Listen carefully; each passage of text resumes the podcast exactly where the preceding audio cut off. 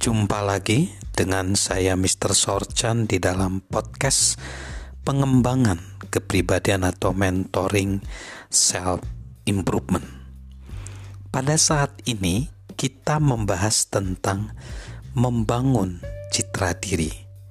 Kita tiba di poin yang keempat, berikan nilai tambah pada orang lain.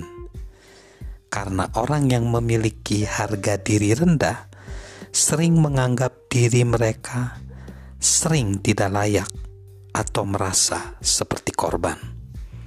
Yang sering muncul karena mereka benar-benar pernah menjadi korban di masa lalu. Mereka secara tidak layak memusatkan perhatian pada diri sendiri. Mereka dapat bersikap melindungi diri sendiri dan mementingkan diri sendiri karena mereka merasa bahwa mereka harus bertahan hidup.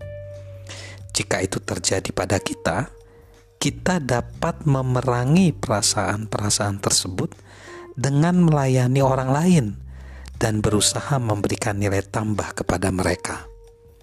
Membuat perubahan, sekalipun kecil, dalam kehidupan orang lain dapat mengangkat rasa harga diri orang. Memang sulit untuk merasa tidak suka pada diri kita sendiri bila kita tengah melakukan sesuatu yang baik untuk orang lain. Selain itu, memberikan nilai tambah kepada orang lain akan membuat mereka lebih ber, lebih menghargai kita. Itu menciptakan suatu siklus perasaan positif dari satu orang kepada orang lain. Poin yang kelima, lakukanlah yang benar sekalipun itu sulit. Salah satu cara yang terbaik untuk membangun rasa harga diri adalah melakukan hal yang benar. Itu akan memberikan perasaan puas yang besar. Dan apakah yang terjadi jika kita melakukan hal yang benar? Dan apakah yang terjadi jika kita tidak melakukan hal yang benar?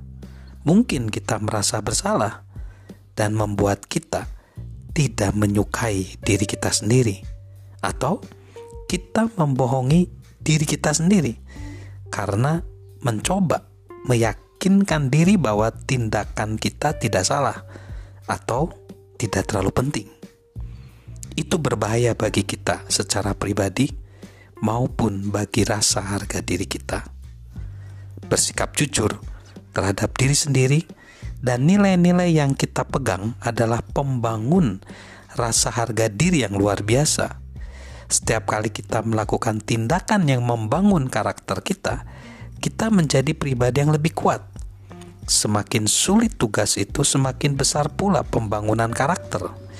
Kita benar-benar dapat membuat diri sendiri bertindak sampai kita merasa suka pada diri sendiri, karena karakter yang positif meluas ke semua bidang kehidupan dengan memberikan kepada kita rasa percaya diri dan perasaan positif terhadap segala sesuatu yang kita kerjakan.